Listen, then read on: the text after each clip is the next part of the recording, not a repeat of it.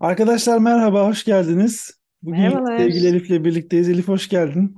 Hoş bulduk. Bak Nasılsın? bakalım nereden sesleniyorum. İyiyim, teşekkür ederim. Sen Bu nasılsın? Çok tahmin etmesi çok zor bir yer. Acaba neresi? Alplerden bir espri de görüntü. Kayıt öncesinde espri de dönmüştü. Ona girmeyeceğim şimdi ama. Evet, travertenler Pamukkale'den. Çok güzel. Sevgili kirlenmişti ama Hierapolis. sonra tekrar temizlendi. O yüzden gayet de güzel. Birkaç sene önce gene görmüştüm tekrar.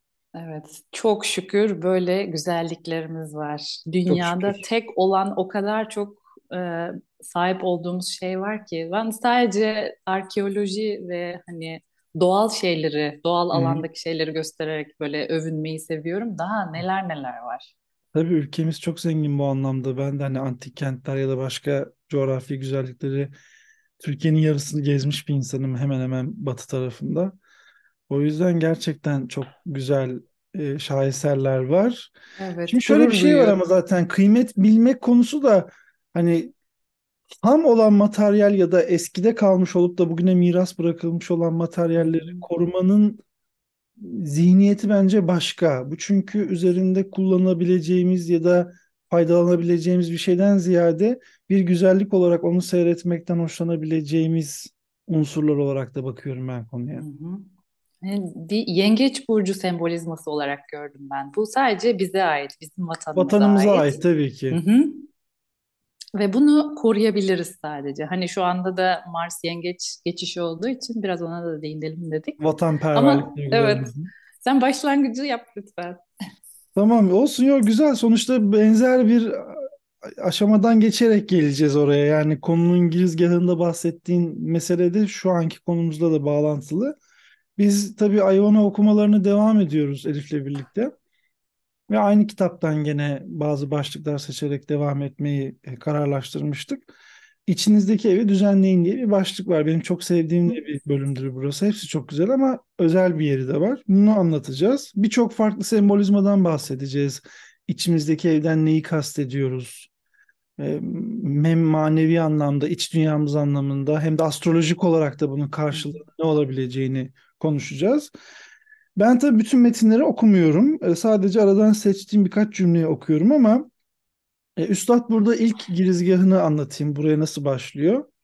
Üstad burada hep dış dünyaya odaklandığımızı, dışarıdaki olaylara baktığımızı, kendimizi dışarıda ispat etmek için sürekli çaba sarf ettiğimizi, hep dışarıya bir şey kanıtlama ihtiyacı içerisinde olduğumuzu ama kendi iç dünyamızla, kendi evimizle bir bağlantı kurmadığımızı, burayı hep yalnız bıraktığımızı ya da ıssız bıraktığımızı, ilgisiz bıraktığımızı, bunun da olası felaket sonuçlarından bahsediyor. Çünkü bunun okült alemde de çok fazla önemi var.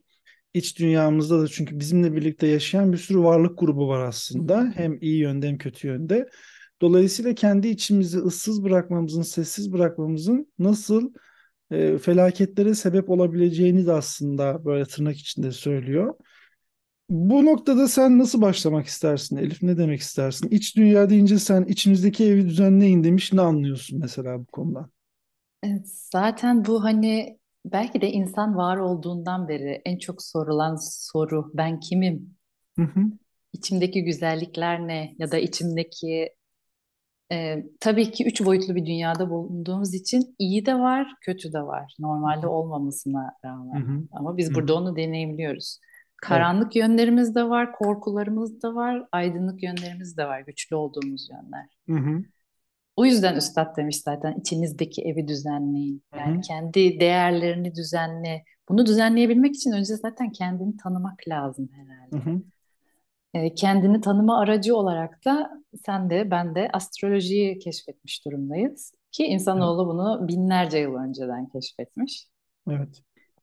O yüzden hani ben kimim sorusuyla başlamak belki güzel Hı olabilir. hı. Benim değerlerim ne? Evet. Çok güzel. Şey var, kaplumbağa hikayesi gibi sırtında evini taşıyan Hmm, bir varlık gibi aslında. İnsan hep onu ben de söylüyorum danışanlarla konuşurken ya da öğrencilerle. İnsan 7-24 kendisiyle en çok vakit geçiriyor bir kere. Yanımızda kim olursa olsun. Bu görünmez varlıklar bile olsa, görünür varlıklar da olsa biz nereye gidersek gidelim sürekli ayrılamadığımız tek varlık kendimiziz. Kendi zihnimiz, kalbimiz, vicdanımız, duygularımız vesaire. Dolayısıyla bu nokta bu anlamda da önemli. Kendimizle ne kadar doğru temas halinde kalırsak o kadar dengeli bir iç dünyaya sahip olma şansımız da var. Değil mi? Doğru. Yani bunun için mesela aklıma gelen birkaç şey olabilir, yöntem olabilir. Bir şükür listesi olabilir mesela. Hı hı. Aklına her geldiğinde yani şu an ne için şükrediyorum? Bir dur, e, fark et. Yani e, vücudunda ne için şükrediyorsun? Çok şükür e, sağlıklıyım. Sağlığını kaybetmeden önce şükretmeyi öğrenmek lazım belki. Hı hı. Üstümde bir çatı var. Çok şükür sıcak da olsa dışarısı, soğuk da olsa, yağmur da yağsa beni koruyan bir evim var. Evet. E, kafamı sokabileceğim bir evim var. Sonra çok şükür işte ailem var, Hı hı. sevdiklerim var. Hı hı. Çok şükür böyle inanılmaz güzel bir coğrafyada doğmuşum. Her şeye rağmen. Hı hı. Belki bu şükür listesiyle başlayabiliriz önce. Kesinlikle çünkü şöyle bir şey de var. İnsan tabii bu şükrü yerine getirebilmek için önce manevi yolculuğumuzun ya da varlık sebeplerimizi de göz önünde Hı bulundurmak hı. gerekiyor. İnsan spiritüel anlamda da niçin var olduğunu sorgulamadığında elindeki imkanları ve geldiği süreci de fark etmiyor ki.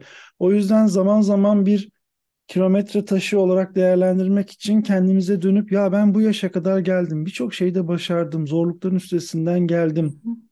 Arkaya dönüp baktığımızda birçoğumuz hayatımızda çok büyük zorlukları aşarak bugüne geldiğimizi gözlemliyoruz ve hala hayattayız ve çok şükür sağlıklıysak da bu anlamda elimizde şükredecek bugüne kadar elde edebildiğimiz güçler için aslında bu yani dayanma gücü, sabır gücü ne dersek diyelim buna Hı hı. baktığımızda. Dolayısıyla dediğin gibi şükredebiliyor olmak için işte gene içimize dönmek gerekiyor. Çünkü dışarıda sürekli rekabet var zaten. Bak Evet. işimiz gereği de rekabet. Herkes için rekabet var. Kardeşler arasında rekabet olur. Hı hı. İnsan e, meslek e, grupları arasında rekabet olur. Dışarıda yaşamak zaten marsiyen bir şey. Yani mücadele etmekle bağlantılı, zorluklara göğüs germekle bağlantılı. Zaten dışarıda yeteri kadar aklımızı çelecek, bizi demoralize edecek bir sürü unsur var. Ama Üstad diyor ki bunların hepsini bir kenara bırakın ve içinizdeki zenginliklere dönün. Çünkü yaratıcı hepinize maddi manevi zenginlikler donatarak bu dünyaya göndermiştir. Evet. Hepimizin birbirinden farklı, değerli yetenekleri, cevherleri var.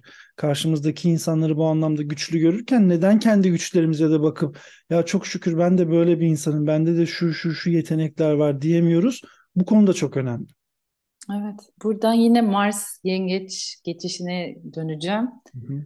Ee, şöyle bir sembolizma mesela bize hatırlatılıyor Hı olabilir. hı. Şu sıra yengeç işte e, yuvamız, Hı işte hı. e, içinde yaşadığımız yurdumuz ve hatta e, içimizdeki ev, üstadın hı. Hı söylediği gibi de içimizdeki hazinelerimiz yani bizim mabedimiz, bizim için kutsal olan şeyler. Yani Evet. değerlerimiz, önem verdiklerimiz, Hı hı. sevdiklerimiz. Ee, en çok hangi erdemleri e, barındırabiliyoruz? Belki diye, yani tüm erdemleri barındırmak zaten imkansız. Biz Tabii. insan olarak buraya geliyoruz. hı. Hı hı. Ama benim için mesela dışarıya çıktığımda bir kedinin orada üşüdüğünü görmek hiç görmezlikten gelmemek ve hatta başka birinin o kediye işte e, vurduğunu ya da bir- çok kötü davrandığını görmek çok, kötü bir şey. Evet. Buna bir şekilde önlemeliyim ya da böyle bir şey olduğunda neden böyle yapıyorsun? Bak hani korku korkusu da olabilir insanların. Hı. Bak o da bir can işte o, o cana iyi davranalım ki hani Allah da bizi görsün. Yani hepimiz birlikte yaşamaya çalışıyoruz çünkü bu dünyada. O yüzden yengeç de yuva olarak gördüğün şeyi korumak olabilir Mars'la birlikte. Doğru. Hani böyle çocuklarını korumak için üstüne atılan anneye böyle kendini kol kanat geren anne şeyi sembolizması canlanıyor benim Hı gözümün önünde. Şey şimdi hayvanlardan örnek verince aklıma şu geldi. Spiritüel hiyerarşide de herkes birbirinin üstündeki bir hiyerarşide zincirde yer almaktadır. Biz dünyada yaşayan varlıklar olarak bu zincirin maddi alemde en üstünde olduğumuzu zanneden gruptayız. Ama bizim içsel bilinç yani iç güçlerimizi oluşturan dünyanın sakinlerinin de hiyerarşik bağlantıları olduğu için aslında bizler de başka varlıkların enerjisine tabi varlıklarız. Dolayısıyla biz bizlerden daha zayıf ya da daha güçsüz gibi görünen ya da daha korumasız gibi duran varlıklara karşı nasıl davranırsak üstteki hiyerarşide biz aynı yaklaşımla e, muamele ediyor evet. sonuç olarak. O yüzden e, insan tabii şu da var. Bir hayvana, bitkiye ya da gezegendeki başka bir canlıya davranış biçimimizin korkuya dayalı olmasından hoşlanan bir insan değilim Hmm. ben. Yani ben ona zarar verirsem bana zarar verirler değil. Neden ona zarar vermek istiyorum sorusunun cevabını mantıklı bir şekilde vermesi insanın gerekiyor bence. Bu da zaten sevgiyle, kalple, vicdanla. hı. Vicdan deyince Evet. hemen sadece acıma duygusu olarak düşünüyoruz. Hayır, vicdanın içerisinde kabul var aslında. Sevgi kabul gerektirir. Hı hı. Başka bir canlıya, başka bir varlığa, görünen görünmeyen başka varlıklara da saygıyı ve sevgiyi beraberinde getirir aslında. Sonuçta herkes aynı yaratıcıdan ortaya çıkmış, yaratılmış varlıksa o zaman hepsinin demek ki benzer şekilde yaşam hakları var. Hele bunlar Evet. hayvanlarsa yani bizden daha alt sınıf gibi diyeyim. Mineral bilinci, bitki bilinci, hayvan Hı bilinci, hı. insan bilinci diye sıralarsak bir alt alemdeki varlıklar için konuşuyoruz. O yüzden de vicdansızlığın da arka planında işte çocukluktan itibaren görülmemiş sevgi, karmik olarak Hı. yaşadığımız sıkıntılar. Evet. Bu ayrı bir konu ama oraya gelmişken değinmek de gerekiyor.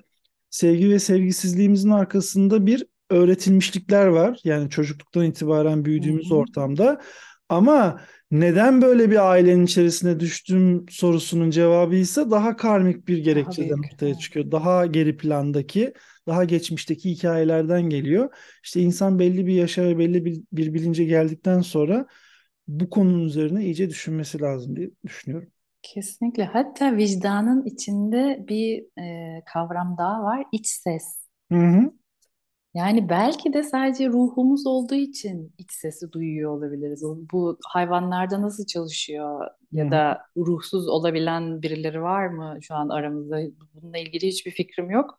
Sadece böyle bir düşünce geçti aklımdan. hı hı, O iç ses zaten e, aslında hiçbir zaman inkar edemeyeceğimiz doğruları bize söyleyen, bizi yönlendiren bir ses. Eğer hı tabii hı, dinlemeyi seçersek. Hı hı. Kesinlikle öyle. Ve buna da vicdan diyoruz bence. Bu Hı hı, benim için vicdandır. Ama sürekli işte internetle, cep telefonu uygulamalarıyla ya da açık tuttuğumuz televizyonla hı ya hı. da işte e, bizi uyuşturan her türlü şeyle yani bu Neptün sembolizmalarıyla nasıl dikkatimizi dağıtıyorsak bu iç sesimizi duymayı erteliyoruz sanki sürekli.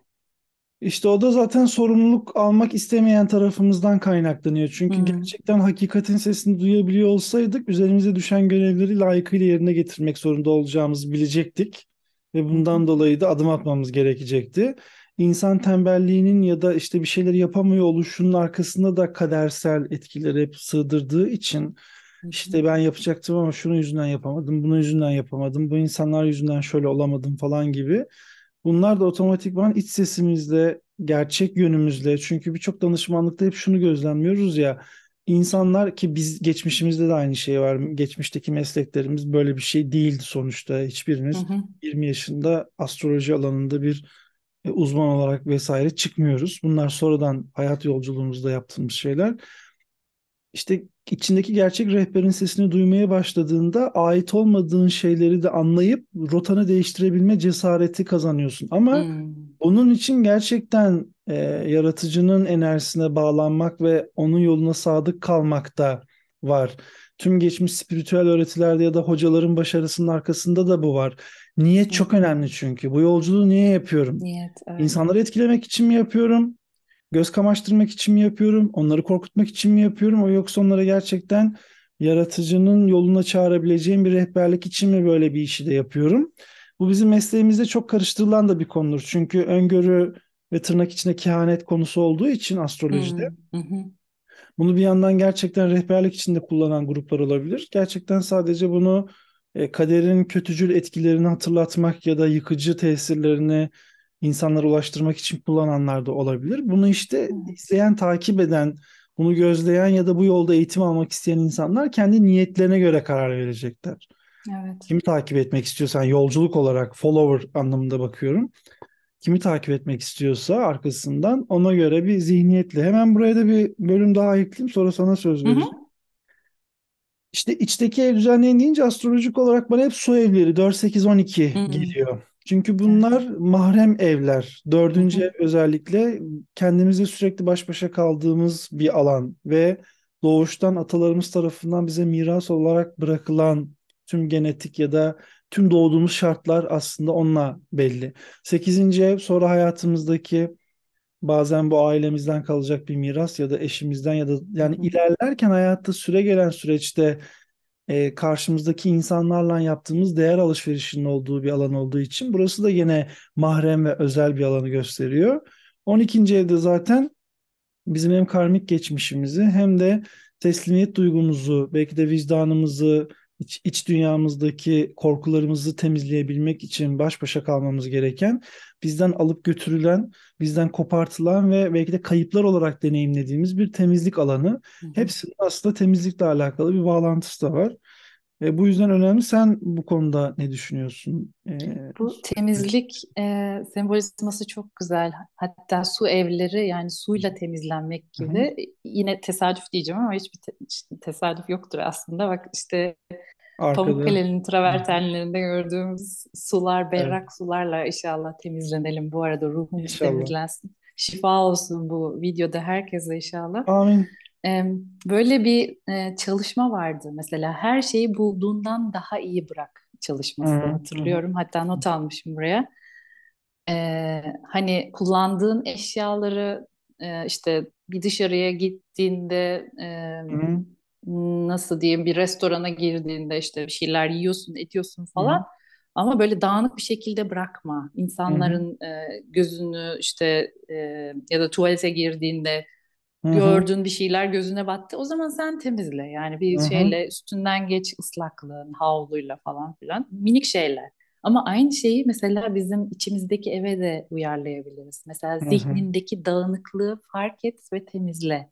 hı hı, Orayı da arındır. hı hı, Yararsız düşünceler, artık sana hizmet etmeyen düşünceler, işte hı. belki yargılarımız, onları fark etmek o kadar kolay değil ama yani Tabii. yine de niyetle başlıyor senin dediğin gibi.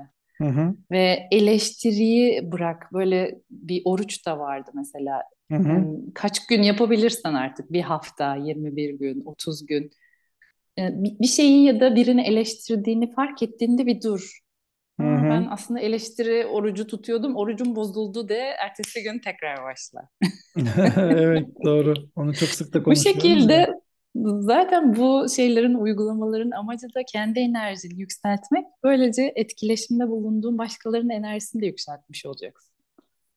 İnsan zaten çoğunlukla kendi yolculuğunda çok işine yaramayacak bilgilerle haşır neşir olduğu için ve çağımızın en büyük hastalıklarından biri bu. Zaten internetin ortaya çıkması ve yayılmasıyla düşün ki 90'lı yıllarda sadece lokal olarak kendi hı. insanlar ve olaylarla bir dergi alabilmek, haftalık bir müzik dergisi alıp okuyabilmek için çıldırıyorduk ya da gazete alıp bir şey okuyabilmek için çıldırıyorduk ya da televizyonda hasbelkader sevdiğimiz bir şey çıkacak diye beklenti içinde oluyorduk ve bunlar belli periyotlara bağlıydı. Yani dergiyi alabilmek, gazeteyi Hı alabilmek, hı. bir şeylere erişmek zamana Satürnyen bir temaya bağlıydı ve sırayla bunu kat etmemiz gerekiyordu. Ne bileyim bir albüm alabilmek için işte İstanbul'da bir noktadan bir noktaya seyahat etmek zorunda kalıyorduk. O kaset çıktığında işte çok mutlu oluyorduk, para veriyorduk, Walkman'de dinlemeye çalışıyorduk.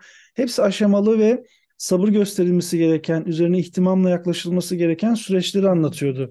Bugün internette her şey elimizin altında kolaylıkla olduğu için çok kolay tükettiğimiz de için birçok veriyi bu yüzden de bundan birçoğumuz istediğimiz veriyi, bilgiyi elde edemiyoruz. Çünkü hepsi elimizin altında ve bir kıymeti yok artık. Ona ulaşmak için özel bir çaba da sarf etmiyoruz.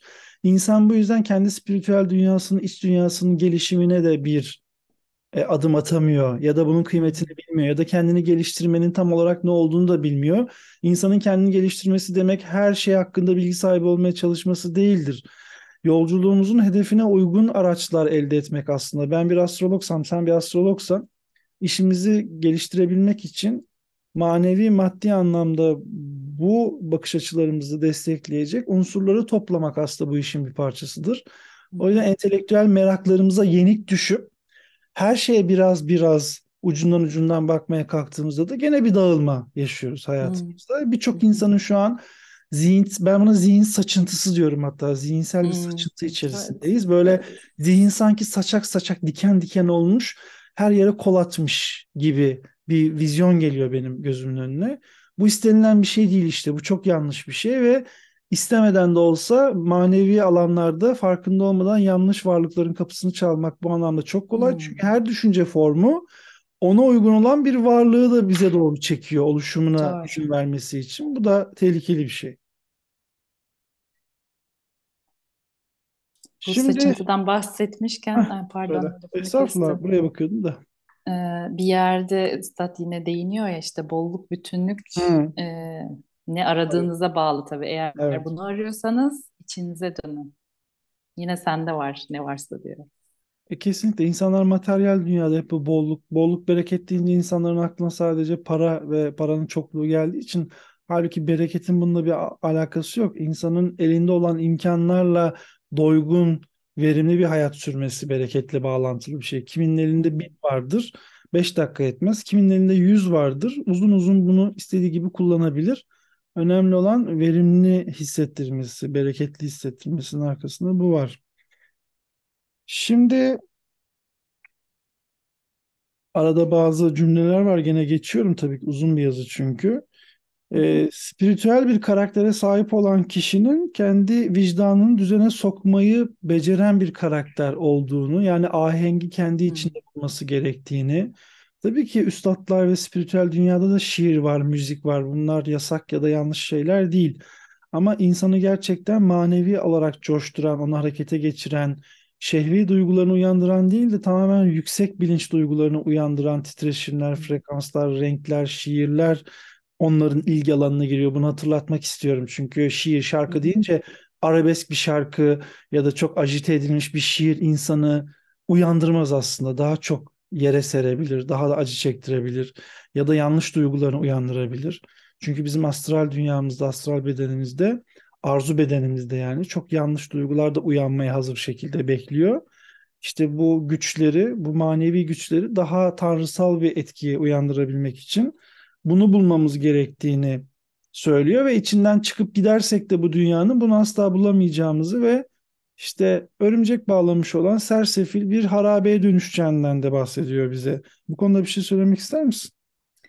Ee, şimdi arabesk derken e, biliyorum neyi kastettiğini ama şeyler e, bizim izleyicilerimiz bizi Tabii yanlış kavramsal olarak yanlış anlaşılmasın diye. Tabii ki belli üstatlar var yani o şeyde de türde de hani bence sen de haklısın gibi mesela inanılmaz güzel bir adalet duygusu hani herkesi anlamaya çalıştıran herkesi Aha, bir olmaya sevk eden şarkılar ve bu şekilde e, düşünceler de var. Biz bunları hı, kastetmiyoruz. hı hı, Hal- Yani tam olarak aslında demek istediğimiz de bu. İnsanları bütünleştirici, iyi yönlerini e, ortaya hı. çıkarıcı destekleyici, motive edici, aydınlatıcı şeyler zaten önemli olan. Bunları e, bulabilmek içimizde.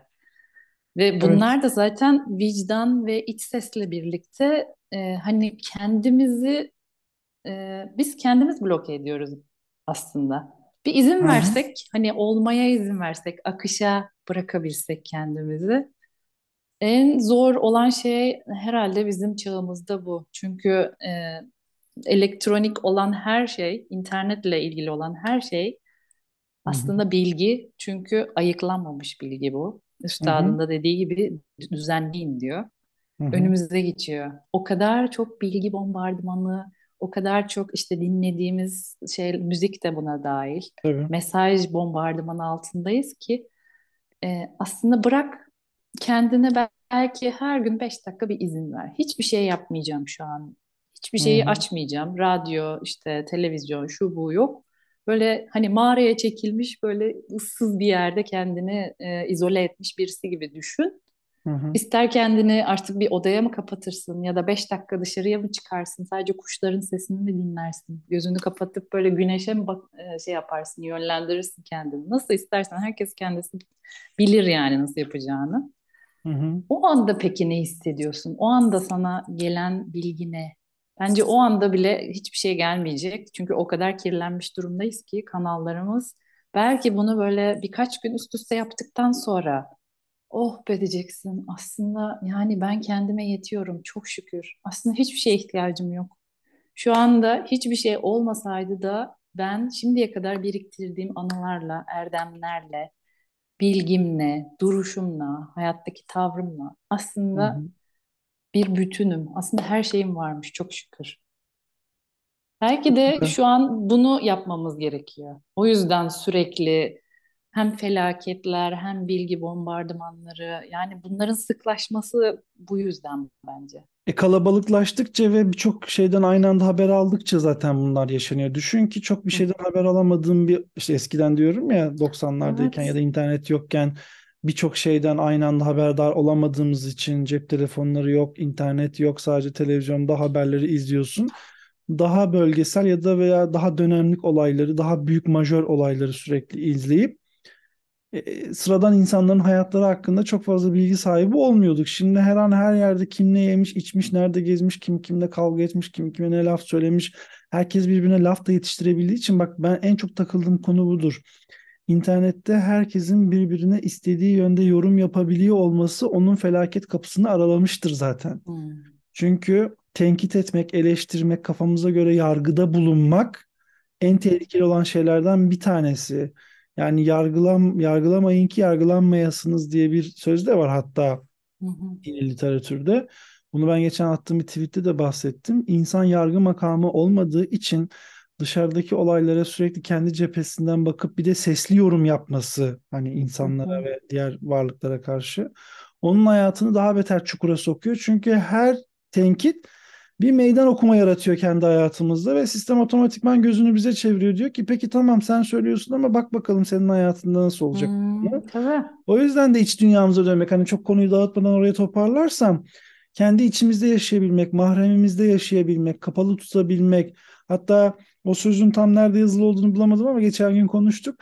Hani Ivanov'un dediği gibi insanların tek bir derdi var. Sizden bir an önce uzaklaşmak dediği bir cümlesi var. Çok gülüyorum onu okuduğumda. Yani çünkü insanları dertlerinizle bunaltıyorsunuz sürekli. Halbuki Hmm. spiritüel aleminize bağlanıp kendi içinizde çözmeye çalışsanız.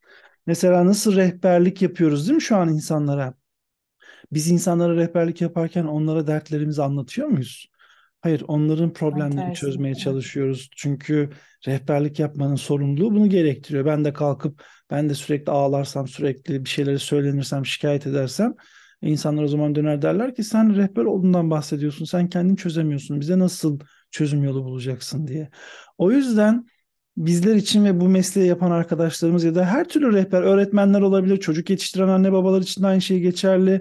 Kendi içimizde dönüp de çözemediğimiz bir şeyi çocuğumuzdan nasıl ya da öğrencilerimizden ya da danışmanlık yaptığımız insanlardan nasıl çözmelerini bekleyeceğiz? Önce kendi iç- içimizde bunu halledebiliyor olmamız da lazım. O yüzden de kalbimizi açabilmek, yukarıya bağlanabilmek, gerçekten bu hiyerarşide niçin bulunduğumuzu idrak edebilmek, bunun üzerine bilmiyor olabiliriz. Şu an izleyen arkadaşlar diyebilirler ki ya bu bağlanmak ne demek ya da iç dünyamıza dönmek ne demek bilmiyorum. Bunu talep edin. Bu zamanla da açılır. Yani bu niyete girdikten sonra da rehberleriniz, üstadlarınız, sizle bağlı çalışan meleki hiyerarşisi artık adına ne derseniz deyin. Bu varlıklar sizinle bağlantı kurarlar ve nasıl bir yola girmeniz gerektiği konusunda size rehberlik edebilirler. Yeter ki Elif'in de söylediği gibi iç sesimizi dinlemeyi öğrenelim. Buraya kulak verebilelim. Dışarıdaki sesleri kapatabilelim. Zaten bilinç geliştikçe ya da değiştikçe önem verdiğimiz şeyler de değişecek. Bize gelen rehberlik de değişecek. Hı Artık hı. bu rehberliği nasıl alıyorsak böyle bir anda bir ilham gelmesi mi olur? Yoksa bir şeyi hatırlamak mı olur? Birinin Evet. bizi e, işte ya bir mesaj atarak bize bir şey hatırlatması Her şey oluyor. Yani bu Tabii. eğitimlere girme Rüyalar. yolculuklarımız yıllar yıllar Hmm. önce astrolojiye girmemiz, karşılaşmalarımız, karşımıza bir kitap çıkması, internette bazen gezerken bir kitapla karşılaşmam, daha önce görmemiş olmam, şimdi görmüş olmam.